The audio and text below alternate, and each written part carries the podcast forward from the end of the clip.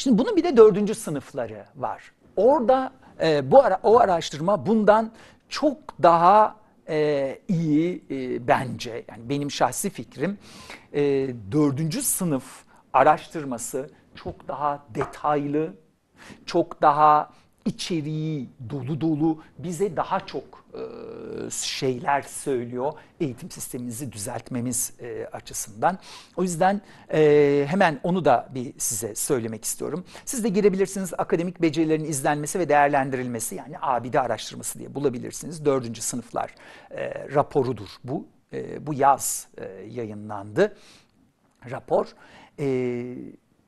Bunu da danışmanları Profesör Doktor Hülya Kilecioğlu, Doktor Öğretim Üyesi Ömer Kutlu, Doktor Hatice Çiğdem Yavuz, araştırma görevlisi Nermin Kıbrıslıoğlu Uysal ve bu araştırmayı yapan da Burcu e, Parlak e, ve ben buradan e, gerçekten tebrik ediyorum. Özellikle dördüncü sınıflar yani ikisini de tebrik ediyorum ama özellikle dördüncü sınıflar araştırmasını özellikle tebrik ediyorum. Detayda müthiş içinde kayboldum. 45 bin çocukla yapılmış ama çeşitli nedenlerle bazı cevaplar, bazı testleri çocuklar cevaplamadığı için işte fen testini cevaplamış ama matematik testini cevaplamış falan gibi bazı e, nedenlerle çocukların bir kısmı eleniyor 45 bin e, çocuktan. 34 bin 554 çocuk. 1062 okuldan 34 bin 554 çocuk. Yani çok büyük bir e, araştırma.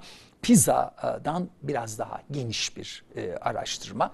İşte haftaya dediğim gibi önümüzdeki hafta ayın 3'ünde PISA açıklandığında onu da başlayacağız. Tabii sonra peyderpey bir sürü veri açıklanacak PISA'da da. Mesela burada da ödev saatleri var. Ben o kadar detaya girmedim. Öğretmen faktörleri var. Öğretmenin kıdemleri var. Onları sonunda size başarının kritik faktörleri diye. Öğretmenin kaç yıl öğretmenlik yaptıysa başarısı ne durumda? Öğretmen okulda kaç yıl çalıştıysa yani araştırmaya girip bakabilirsiniz. Ama mesele bu araştırmaları yapmak değil. Mesele bu araştırmalardan çıkan sonuçlardan ders çıkarıp uygulamak. Çünkü PISA bize diyor ki PISA sınavının sonuçlarından en az yararlanan ülke Türkiye. Yani biz pizzayı hala bir Eurovision şarkı yarışması mantığıyla bakıyoruz. Ah ah bah bah sıramız gerilemiş bah bah efendim. Eyvah vah ama lütfen birileri bundan bir sonuç çıkarabilir mi? Asıl mesele bundan sonuç e, çıkar, çıkarmak. Hemen gelelim dördüncü sınıflara. Gene Türkçeden başlayalım. Beş üzerinden çocukları değerlendirelim. Türkçe yani çocuklara eğitim verdiğimiz dilde dördüncü sınıf öğrencilerinin, tabii her öğrenci kendi seviyesine göre yani 8. sınıf öğrencisi seviyesinde değerlendirmiyoruz bunları. Yüzde 6,7'si en kötü seviyede.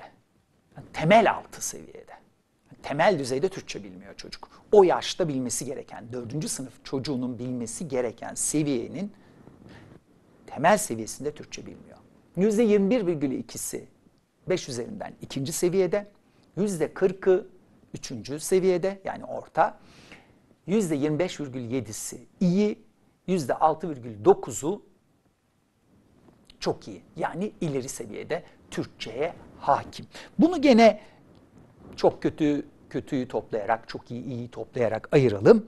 Yüzde 27,9 yani yüzde 28'i e, çocukların 10 çocuktan 3'ü, 100 çocuktan 28'i e, diyebiliriz buna bin çocuktan 279'u çok kötü, kötü seviyede dördüncü sınıfta. Orta seviye 39,5, 32,6'da iyi, e, çok iyi seviyede. Kız erkek durumuna bir bakalım. Kızların durumu ve erkeklerin durumu. Lisede, e, şey, liseye girişte yani ortaokulda e, 8. sınıfta fark vardı. Acaba 4. sınıfta fark var mı Türkçe'de cinsiyet açısından? Bu da gene e, Milli Eğitim'in kendi e, grafiği. Arkadaşlarım göndersin. Dikkat edin kızlar gene iyi. ileri seviyede de, iyi seviyede de, orta seviyede de erkeklerden daha iyi durumdalar. Orta seviyedeki fark anlamlı değil istatistiksel olarak. Ama temel altı ve temel seviyede çok daha fazla erkekler var. Yani cinsiyet Türkçe'de kızlar lehine bir tablo olduğunu gösteriyor bize. Peki olanaklar bir insanın başarılı olması için sadece zeki olması yetmez. Benim hep söylediğim bir şey vardı. Biliyorsunuz Steve Jobs aslında Suriye kökenli. Steve Jobs Suriye'de olsaydı Steve Jobs olabilir miydi? Steve Jobs Afrika'da olsaydı Apple'ı kurabilir miydi? Hatta ben size bir iddiada bulunayım. Almanya'da olsaydı, Fransa'da olsaydı, Türkiye'de olsaydı Apple'ı kurabilir miydi? Bunlar aynı zamanda olanak meselesi. Ve ne yazık ki çocukların bir kısmının olanakları diğerlerinden çok daha kötü. Bakın olanak verdiğinizde nasıl fark ortaya çıkıyor. Hemen e, gelsin bir sonraki grafiğimiz. Eğer çocuğun kendi bilgisayarı varsa Türkçe puanı 524. Eğer kendi bilgisayarı yoksa 475. Dikkat edin 50 puan. Eğer çocuğun kendisine ait bir masası varsa 523, bir masası yoksa 469 puan alıyor. Yani 53 puan. Eğer çocuğun bir odası varsa 525 puan. Eğer bir odası yoksa 471 puan alıyor Türkçeden. Dördüncü sınıf öğrencisi. Evde internet. Evde internet varsa çocuğun puanı 530'a çıkıyor. Evde internet yoksa çocuğun puanı dikkat edin bütün o olanakların içinde en düşük seviyede. 464'e iniyor. Bu ne demek? Bu şu demek. Çocuklara olanak vermek çok değişiyor. Birazdan bunun matematiğini, fenini de e, göreceğiz. Çok şeyi değiştiriyor. Peki, olanak vermek böyle de acaba kitap dördüncü sınıfta da fark yaratıyor mu? Burada olay çok daha ayrıntılı bakılmış. Dedim ya dördüncü sınıf çalışmasını ben daha çok sevdim. Çok daha fazla şey e, anlattı bana. Çünkü kitap sayılarını daha iyi kategorize etmiş. Anne babayı beraber kategorize etmiş. Yani müthiş e, çalışmanın içeriği çok zengin.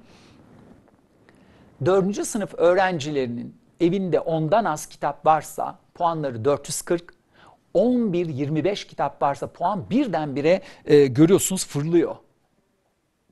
Fırlıyor. 55 puan birden fırladı. 495'e geliyor. 25 ile 100 puan, 100 e, kitap varsa 533, 101 ile 200 kitap varsa 559, 200 üzerinde kitap varsa artık evde kütüphane var e, demek bu. Kitaplık değil, kütüphane var e, demek. O zaman da çocuğun puanı 577 ile zirveye çıkıyor. 577 zirveye çıkıyor. Ama işte evinize kitap doldurmayın. Boşuna doldurmayın. Boşuna zorla okutmaya çalışmayın çocuğa. Siz okuyacaksınız. Hem de çocuk 2 yaşındayken, 3 yaşındayken onu da okuyacaksınız.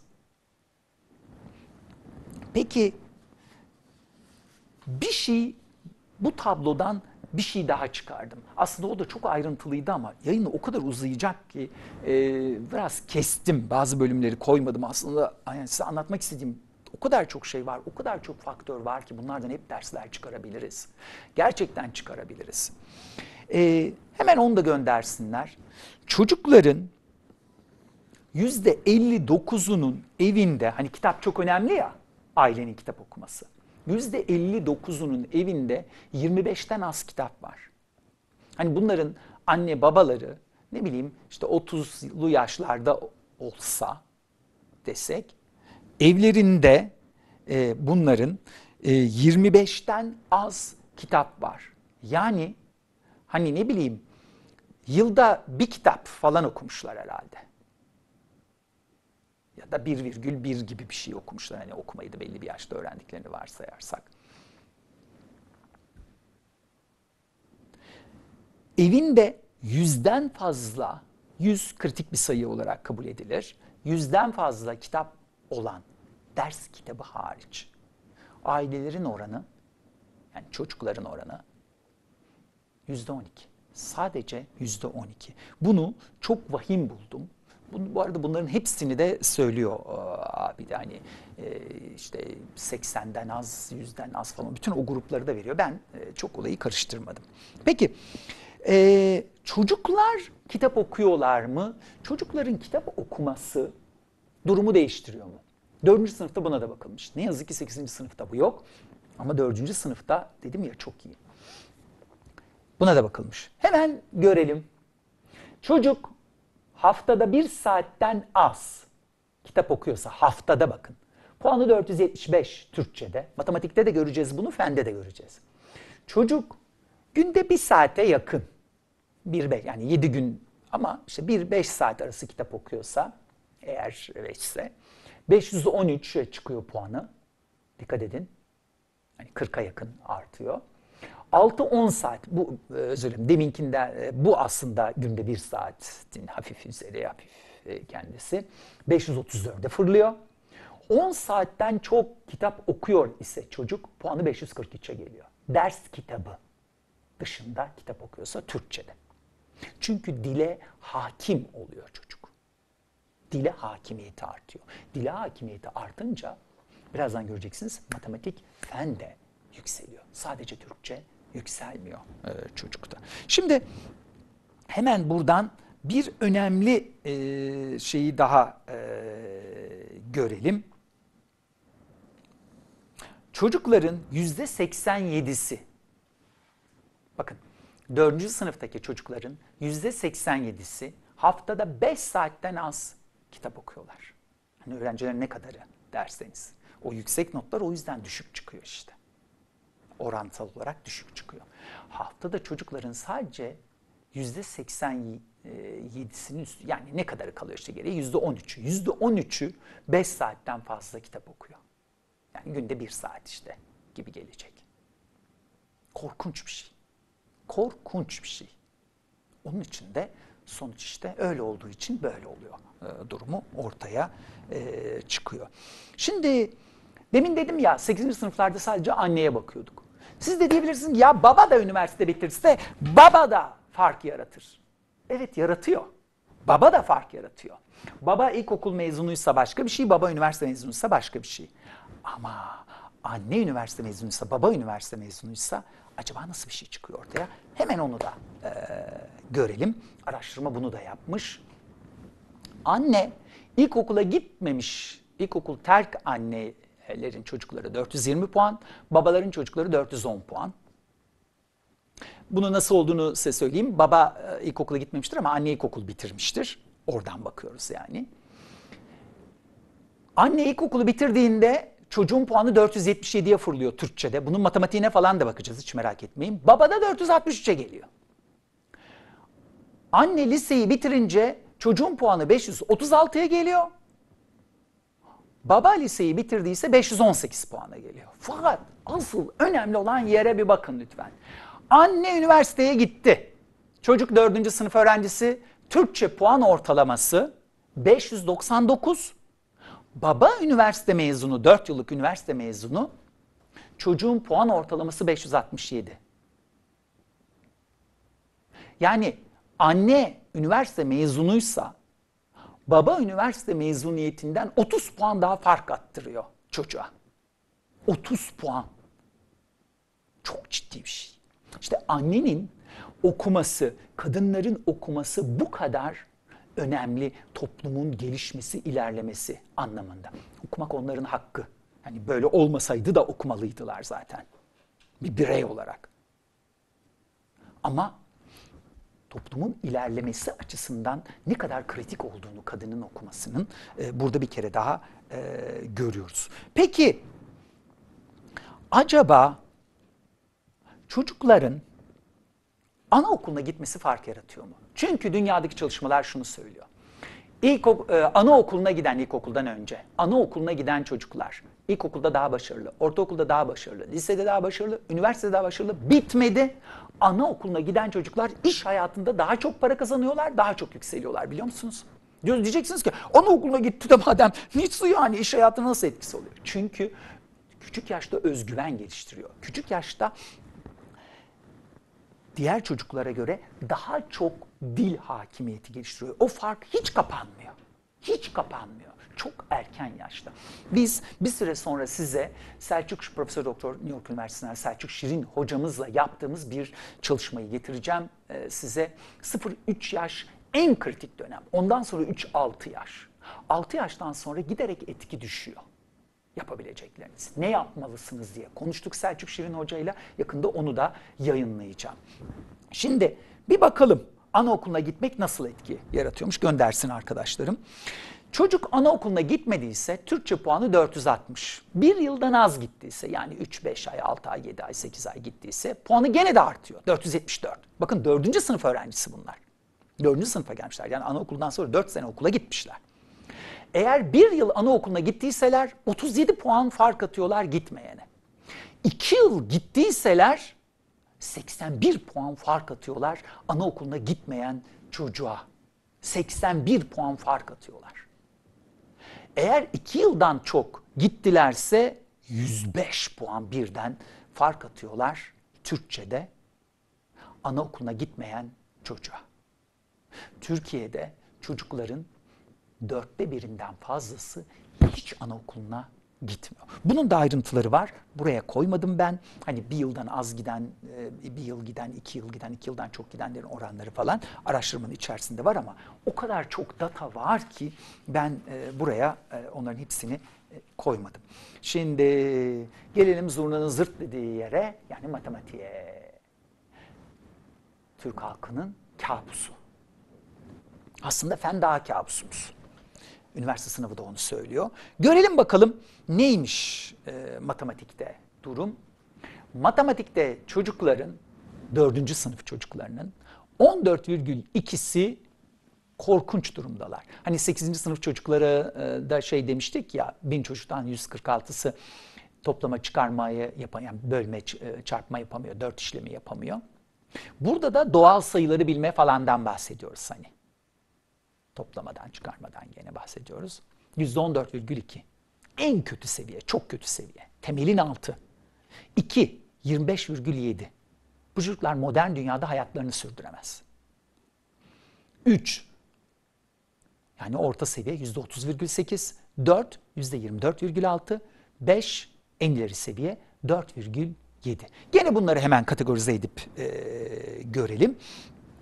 10 çocuktan 4'ü 100 çocuktan 40'ı modern dünyada hayatını sürdürebilecek kadar matematik bilmiyor. Modern hayatın gereği olan seviyede matematik bilmiyor. Orta yüzde 30,8, iyi çok iyi 29,3. 29,3. Bunu biraz anlamlandıralım. Kız ve erkekte durum ne? 8. sınıfta fark vardı.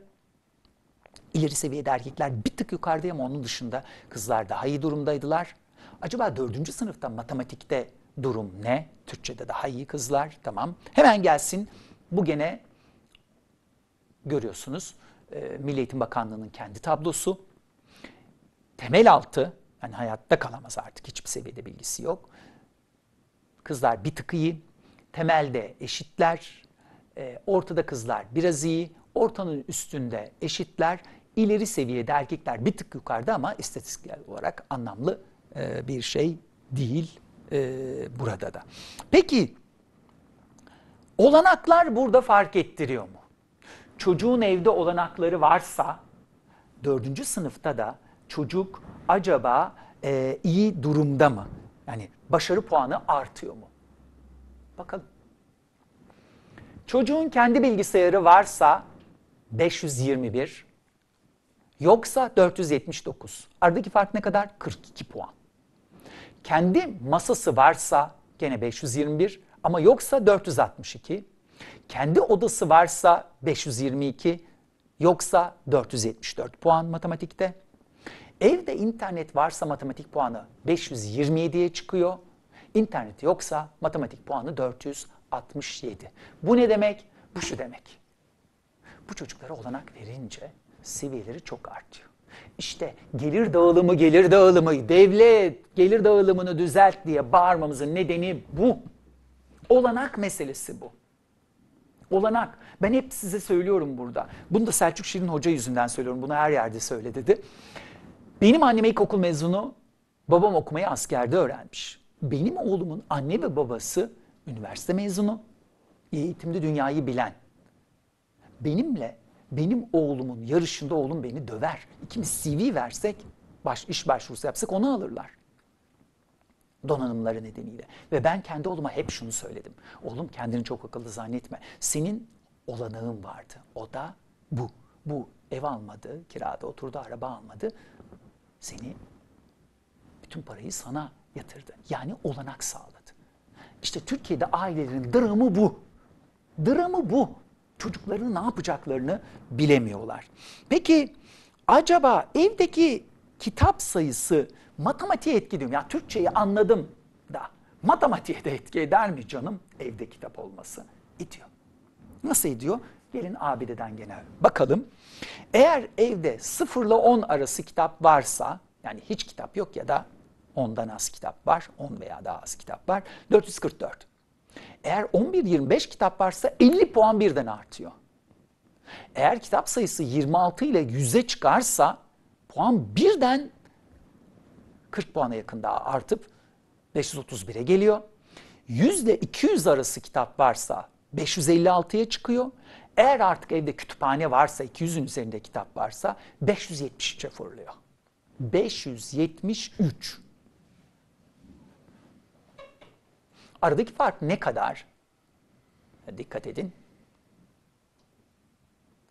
130 puan. Yani 0-10 ile 200'ün üzerinde kitap. Bunu daha ayrıntılandırsak daha da aynı şekilde gider. Binden fazla kitabı olan falan diye baksak mesela. Aynı e, yere e, gideriz. Peki çocukların ders dışı kitap yani roman veya işte eğer okuyorlarsa bilimsel araştırma falan ama dördüncü sınıf daha ki onlara uygun da var. Okumaları matematik puanlarını gene de değiştiriyor mu? Gene de değiştiriyor. Bakın araştırma ne diyor? Araştırma diyor ki eğer bir çocuk bir saatten az, haftada bir saatten az, yani ya hiç okumuyor ya da bir saatten az okuyor ise puanı 475 matematik puanı. Bir saatle 5 saat arası okuyorsa puanı birdenbire dikkat edin 37 puan arttı. 512. Eğer 6 saatle 10 saat arasında e, okuyor e, ise e, çocuk bir haftada puanı 535'e fırlıyor. Eğer 10 saatten çok okuyor ise puanı 543'e fırlıyor. Yani neredeyse işte 70 puanın üstünde 80 puan yakın bir fark var e, orada oluşan. Peki ya anne ve babanın eğitim durumu matematikte nasıl bir fark yaratıyor acaba? Onu da e, görelim. Acaba burada da anne eğitim aldıkça çocuğun puanı babaya göre daha mı çok yükseliyor? Anne ilkokula gitmedi ya da ilkokul terk 428'e 420. Anne ilkokulu bitirdiyse puan birden fırlıyor 479. Bakın baba ilkokul mezunuysa çocuğun puanı 466. Anne ilkokul mezunuysa 479. Yo eğer e, anne liseyi bitirdiyse puan 531'e geliyor. Baba liseyi bitirdiyse puan 515. Arada gene 16 puanlık bir fark var anneler lehine. Anne üniversiteyi bitirdiyse çocuğun matematik puanı 575. Baba üniversiteyi bitirdiyse çocuğun matematik puanı 566. Kadınların okuması meselesi işte bu. Ve buradan gene matematikte acaba e, okul öncesi eğitim yani anaokulu olayı değiştiriyor mu? Kreş, anaokulu olayı değiştiriyor mu? Şaşarsınız. Aynen değiştiriyor. Hani Türkçe'de sosyal bilgilerde dedik ya hani güven, özgüven, dil haznesi. Evet, evet. Ama onların yansımaları oluyor. Hem fene hem matematiğe. Bakalım hemen. Eğer çocuk hiç anaokuluna gitmediyse puanı 464, bir yıldan az gittiyse puanı 474, Bir yıl gittiyse puanı 497 dikkat edin. Hiç gitmeyen çocuğa e, attığı farka dikkat edin. 30 küsur puan. 2 yıl gittiyse 500'ü aşıyor, 538. Eğer 2 yıldan çok gittiyse matematikte 4. sınıfta puan 100 puan fark ediyor hiç gitmeyen çocuğa göre 564. O çocuklar bu farkı zor kapatırlar. Anne babası çocuğu anaokuluna yolladıysa, o imkan varsa gitmeyen çocukla o 100 puanlık farkı kapatmak zannettiğiniz kadar kolay değil. Çok zor, çok büyük e, bir e, fark o. Evdeki kitap sayısı fark ettiriyor mu e, diye de bakacağız. Ama biraz fene geçelim. Fende bakalım durum ne? Evdeki kitap orada da fark ettiriyor mu? Anaokuluna gitmek, e, annenin eğitimi orada nasıl bir fark yaratıyor? Çocuklarımızın durumu ne? Önce çocukların durumunun fotoğrafını çekelim. Dördüncü sınıfta fen bilgisinde çocukların durumu ne? Çocukların yüzde 11,4'ü fende çok kötü. Temelin altındalar. Temel seviyede bile değiller. Yüzde 26'sı dört çocuktan biri. Temel seviyede iki. Orta 32,5 İyi 26,8. Çok iyi yani ileri seviye 3,2. 3,2 sadece. Bunları da kategorize ettik. Çocuklar neredeyse eşit bir şekilde kötüden tarafa doğru bir miktar fazla olarak dağılmışlar. Çok kötü kötü, orta ve çok iyi iyi arasında. Ama gene de en yüksek nerede? Çok kötü kötü de fende yüzde otuz yedi buçuk, orta yüzde otuz iki buçuk, iyi çok iyi yüzde otuz e, seviyesinde. Acaba kızlar fende daha başarılı olabilirler mi erkeklerden? Matematikte kötü seviyede daha çok erkek vardı. Kızlar biraz daha ortaya yığılmışlardı. Bakalım fende nasıl? Hemen gene bu tabloda Milli Eğitim'in kendi e, araştırmasından. Gördüğünüz gibi aradaki farklar istatistiksel olarak çok fark etmiyor. En kötü seviyedeki kız e, sayısı biraz daha az oransal olarak ama onun dışında büyük bir fark olmamış cinsiyet e, açısından. Peki çocuklara olanak tanımak durumu fark ettiriyor mu veya ne kadar fark ettiriyor? Matematikteki kadar, Türkçedeki kadar fark ettiriyor mu? Evet, matematikteki, Türkçedeki kadar fark ettiriyor. Ee, eğer evinde bilgisayarı varsa puanı 524'e fırlıyor çocuğun yoksa 476. Kendi masası varsa 526, kendine ait bir masası yoksa 469. Kendine ait bir odası varsa 524, kendine ait bir odası yoksa 471 puan. Evde internet varsa 529 ile bütün bu olanaklar içinde en üst seviye. Eğer evde internet yoksa 465 puanla en düşük seviyeye geliyor çocuk. Yani olanak çok şey fark olanak çok şey fark ettiriyor. Çocuklar aptal değiller derken bunlara dayanarak söylüyoruz. Peki acaba kitap sayısı fark ettiriyor mu?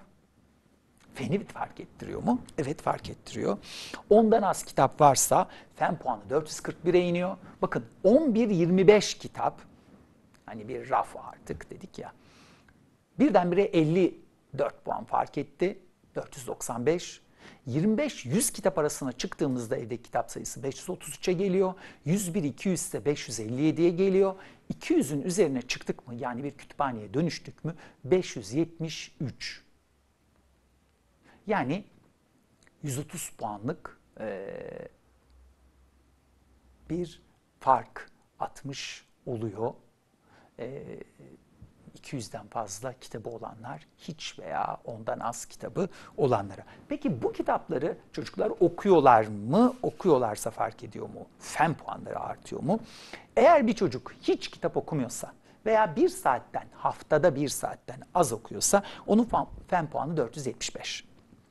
Eğer 1 saatle 5 saat arası okuyorsa 514, eğer 6 saatle 10 saat okuyorsa 533, eğer 10 saatten çok okuyorsa 500 40 puan alıyor fende. Ama size söylediğim şey geçerli. Lütfen eve kitap dizip onların otomatik olarak hop havalanıp çocuğun beynine gideceğini düşünmeyin. Siz okuyan anne babalar değilseniz eğer Çocuklarınız öyle kendiliğinden olmuyorlar ne yazık ki. Hemen dönelim anne babanın eğitiminin fendeki farklılıklarına. Matematikte de vardı fark, e, Türkçe'de de vardı kadın lehine. Kadına okuttuğunda çocuk çok daha iyi seviyelere e, geliyordu. Bakalım ne? Anne ilkokulu bitirdiği anda babanın ilkokul bitirmiş olmasına gördüğünüz gibi 16 puanlık bir fark atıyor. Ortaokulu bitirdiyse babaya göre gene ciddi bir fark atıyor. Liseyi bitirdiyse gene bir fark atıyor. Üniversiteyi bitirdiyse de gene fark atıyor. 575 puana 565 puan üniversite mezunu anne ile baba arasındaki fark. Fende de. Matematikte olduğu gibi, Türkçe'de olduğu gibi fende de aynı durum e, var. Peki e, bunu gördük. Çocuğun anaokuluna e, gitmesi, e, okul öncesi eğitim alması ne fark yaratıyor? Hemen onu da e, görelim. Eğer çocuk hiç anaokuluna gitmediyse 461 puan, bir yıldan az gittiyse 474'e fırlıyor. Bakın bir yıldan az gitmek 3 ay, 5 ay, 6 ay, 7 ay gitmek bile fark yaratıyor.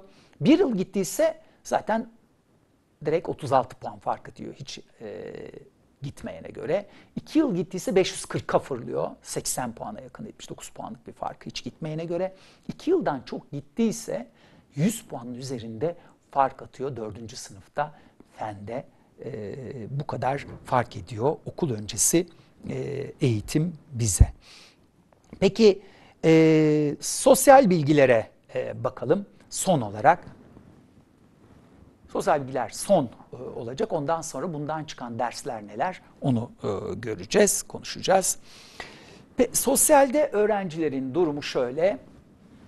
Hani sosyal okuyorlar ya okumaları lazım. Hani matematik karışık geldi yok fen bilmem ne geldi diyebilirsiniz. Ama çocukların %9,3'ü çok kötü seviyede.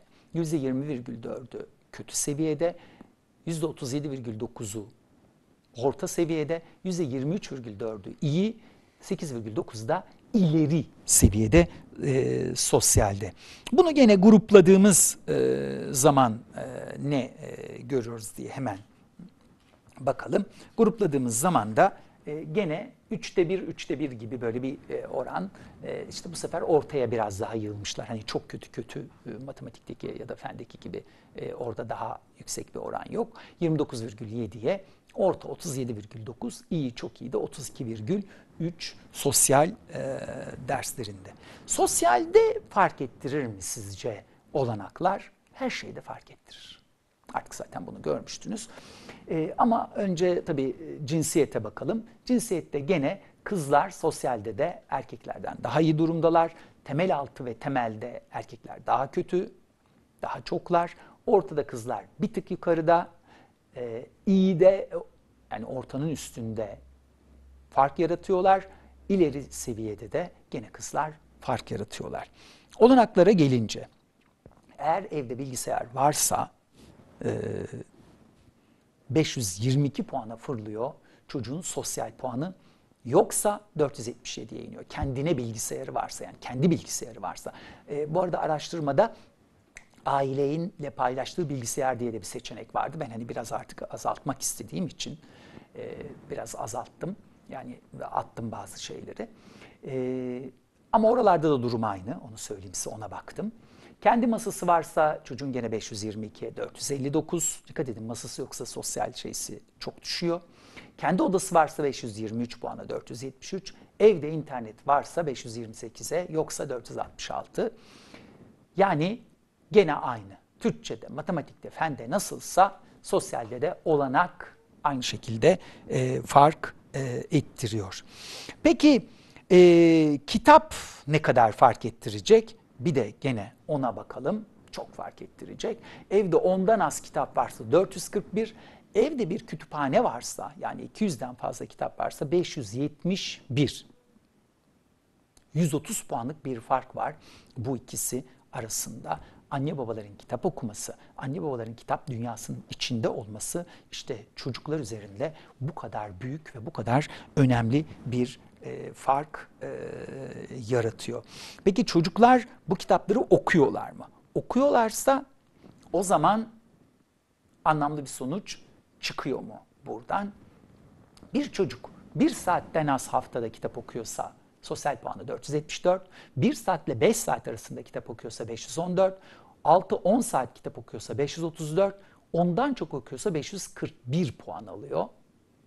Yani nereden bakarsanız bakın 70 puanın üstünde bir fark fark ettiriyor. Çok ciddi bir fark bu. E, dördüncü sınıf öğrencileri arasında. Anne babayı e, ve okul öncesi eğitimi şimdi göreceğiz ve bitireceğiz. Anne babanın eğitimi sosyali ne kadar etkiliyor? Sosyalde de bir fark. Anneler lehine bir fark görüyorsunuz.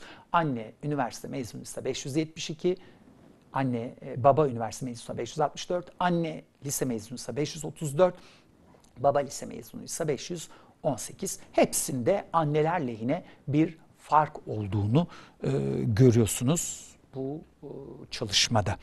Ve son olarak da gidelim ee, okul öncesi eğitimi, sosyal bilgiler açısından okul öncesi eğitimi ne kadar fark ettiriyor? Ee, abi de bize e, ne yapmalıyız konusunda ne söylüyor? İyi nedir? Nasıl çocuklar daha iyi oluyor ya geçmeden önce? Bakalım 4. sınıf öğrencilerinde eğer anaokuluna gitmediyse çocuk 462 puan alıyor. Ama eğer 2 yıldan çok anaokuluna gittiyse 560. Yani Orada da bir 100 puanlık fark birikiyor. Gördüğünüz gibi keşke bunun 8. sınıfı da yapılsa, bunun 12. sınıfı hatta üniversite seviyesi de yapılsa. İnanın bana öyle çünkü dünyada yapılıyor bu. Üniversitede de, iş hayatında da anaokuluna gitmiş olmak çocuklarda çok ciddi bir fark yaratıyor e, dostlarım. O yüzden bu konuyu da Türkiye'nin çok önemsemesi lazım. Şimdi bir saatten uzun süredir yayındayız e, bu yayının içine neler koymadım onu söyleyeyim abinin içinde vardı. Öğretmenler ve okullar konusunu e, koymadım. Öğretmenleri suçluyorsunuz. Mesela e, birisi e, benim tanıtım şeyimin altına e, yazmış. E, demiş ki işte öğretmenler öğretmen olsa öğretmenler öğretmen değil falan e, diye ve bir sevgili öğretmenimiz e, hemen buna yanıt e, vermiş. Demiş ki ben sınıf öğretmeniyim, matematik öğretmeniyim. Öyle dediğiniz gibi değil o iş e, demiş. Bu çok önemli. Evet, öğretmenleri suçlamak kolay. Bu öğretmenleri kim eğitti? Gökten mi düştüler bu öğretmenler? Onları bir takım yerlerde eğittiniz. Bu çocuklar öğretmen olacaklar. E öğretmen olmak için sınava girenlerin ortalamalarına bir bakın lütfen nasıl seviyede. Ya İngilizce öğretmeni olmak için 50 İngilizce sorusundan 17 miydi neydi? Ee, geçenlerde baktığımda e, görmüştüm. E, tam rakamı da vermeyeyim ama ortalaması. Korkunç durumda. Ama bu gene onların birileri bunları eğitiyor ya. Öğretmen olacaksın sen diye. Aynı şey mühendisler için geçerli değil mi zannediyorsunuz? Hı? Hadi sınava sokun bakalım. Sınava sokun bakalım. Elinde mühendislik diploması olanların kaçı gerçek anlamda dünya çapında mühendis olabilecek şekilde eğittiniz? Hepsinde aynı. Kimyasında da, e, biyolojisinde de, iktisadında da, tıbbında da. Gerçekten eğitim her yerde dökülüyor. Ama ben öğretmen, okulun durumları gibi şeyleri e, çok uzatmamak adına buraya almadım. E, peki bu çalışmalar yani 100 binden fazla çocuk girmiş buna yani.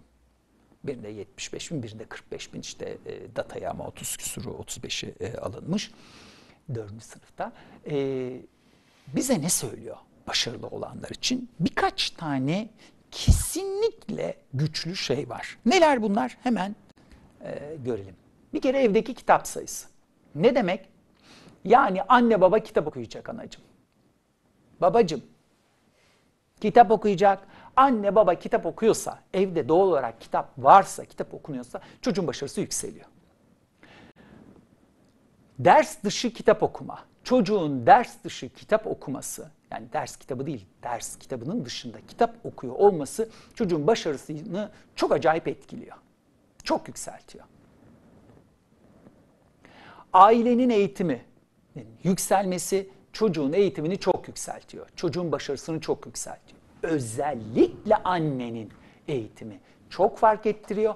Anne okuduysa çocuk daha başarılı oluyor. Anneyi ne kadar okutabilirsek çocuk o kadar yukarı doğru e, geliyor.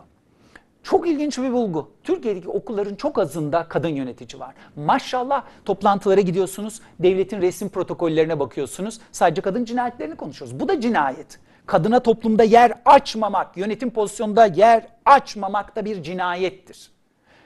Evet.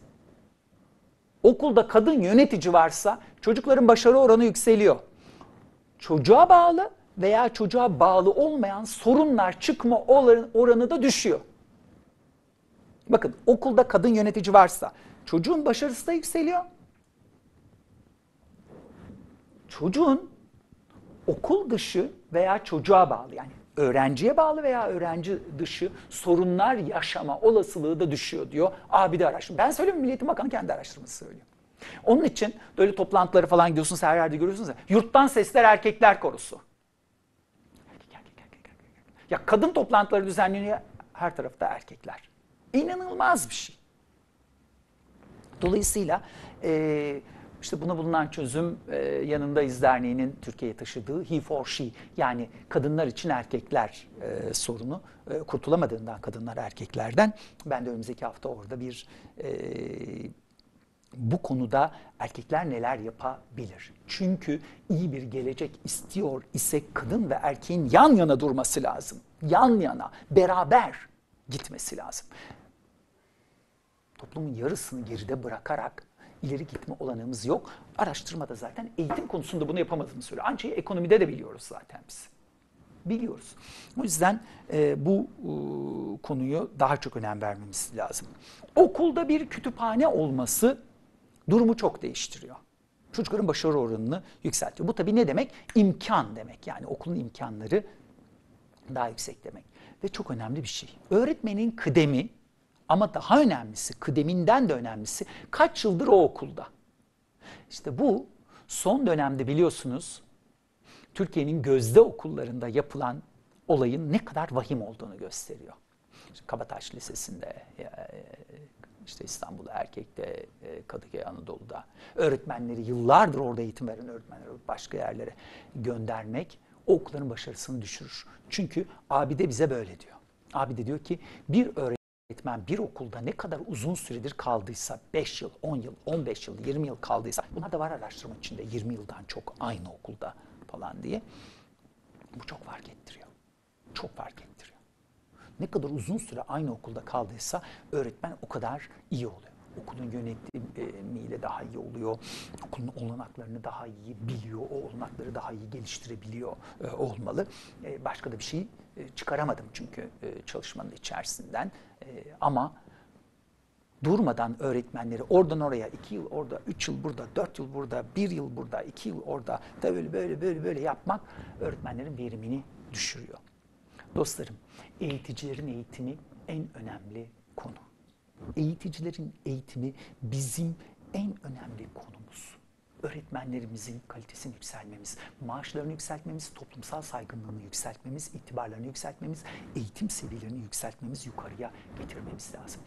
Dünyada hiçbir meslek grubundan hem çocuğun başarılı olsun, çocuğum çok iyi okullar kazansın, çocuğum gelecekte çok iyi yerlere gelsin, hem de dünyayı kurtarsın, hem de piyano da çalsın hiç kimseden bu kadar şey beklemiyoruz. Hiçbir meslek grubundan hem dünyayı kurtarmasını, hem ailemizin geleceğini kurtarmasını, hem çocuğumuzun geleceğini kurtarmasını, hem ülkemizin hem şirketlerimizin geleceğini kurtarmasını beklemiyoruz. Ama bunları beklediğimiz öğretmenlere ne doğru düzgün maaş veriyoruz, ne doğru düzgün atıyoruz, ne doğru düzgün eğitiyoruz, ne doğru düzgün toplumsal saygınlık veriyoruz. Ondan sonra da öğretmenler işlerini ciddiye alıyordu da almıyordu da. Ondan sonra dönüyorsunuz çocuklar bilmem neydi, aptaldı, çalışmıyordu da. Bunlar kolay işler değil tabii ki. Zor işler. O yüzden bütün bunların e, hepsini düşünmemiz ve aklımızda tutmamız lazım. Arkadaşlarım, bin çocuktan 164'ü bakın bin çocuktan 164'ü sekizinci sınıfta toplama, çıkarma, çarpma, bölme yapamıyor. 75 bin çocuk üzerinde yapılmış bir araştırmada bin çocuktan 164'ü, %16,4'ü 8. sınıfa gelmiş, 4 işlem yapamıyor. Burada herhalde Milli Eğitim Bakanlığı'nda birilerinin Allah'ım biz ne yaptık ya demesi lazım. Öyle gidip de televizyon programlarında eğitimde o kadar da kötü durumda değiliz demek kolay. Biliyor musunuz? Bu araştırmada okul cinslerine göre de farklar var. Örnek özel okullarla mesela diğer okulları kıyaslamışlar. İnanın bana özel okullar açık fark atıyorlar. Ki özel okulların önemli bir kısmı da gerçekten kötü durumdalar. Önüne gelen özel okul açıyor. Bayağı ticarethane gibi. Okul bir ticarethane değildir bir kere. Zaten devletin iyi eğitim vermesi lazım. Özel okullar olabilir mi? Olabilir. Ama devlet iyi eğitim verse çocukların özel okuluna gitmesine gerek kalmaz. Dolayısıyla bitirirken yayını şunu söyleyeyim. Önümüzdeki hafta pizza açıklanacak. Pizzayı konuşacağız. Ondan sonra biz çocuğunuza ne yapmanız lazım? 3 yaşındayken, 6 yaşındayken, 9 yaşındayken, 12 yaşındayken, 12 yaşından üniversiteye gidene kadar ne yapmanız lazım? Bunu Profesör Doktor Selçuk Şirin Hoca'dan dinleyeceğiz beraber. Pizza'nın e, değerlendirmesinin ardından ona bakacağız. Ama şunu unutmayın. Dostlarım, benimki gibi bir aileden geliyor iseniz, yani anneniz ilkokul mezunu, babanız e, okumayı askerde öğrenmiş. Dezavantajlı diyoruz. Dezavantaj iki şekilde olabilir. Eğitim dezavantajı ya da gelir dezavantajı. Bende gelir dezavantajı yoktu. Biz kimseye muhtaç bir aile değildik. Zengin değildik ama varlıklı değildik ama e, hani kimseye de muhtaç değildik. Ama eğitim dezavantajı vardı. Benimki gibi bir aileden geliyorsanız toplumun içinde bir yere gelmek, iyi bir hayat kurmak, kendinize bir hayat kurmak, kendinizi geliştirmenin iki yolu var. Ya çalacaksınız ya da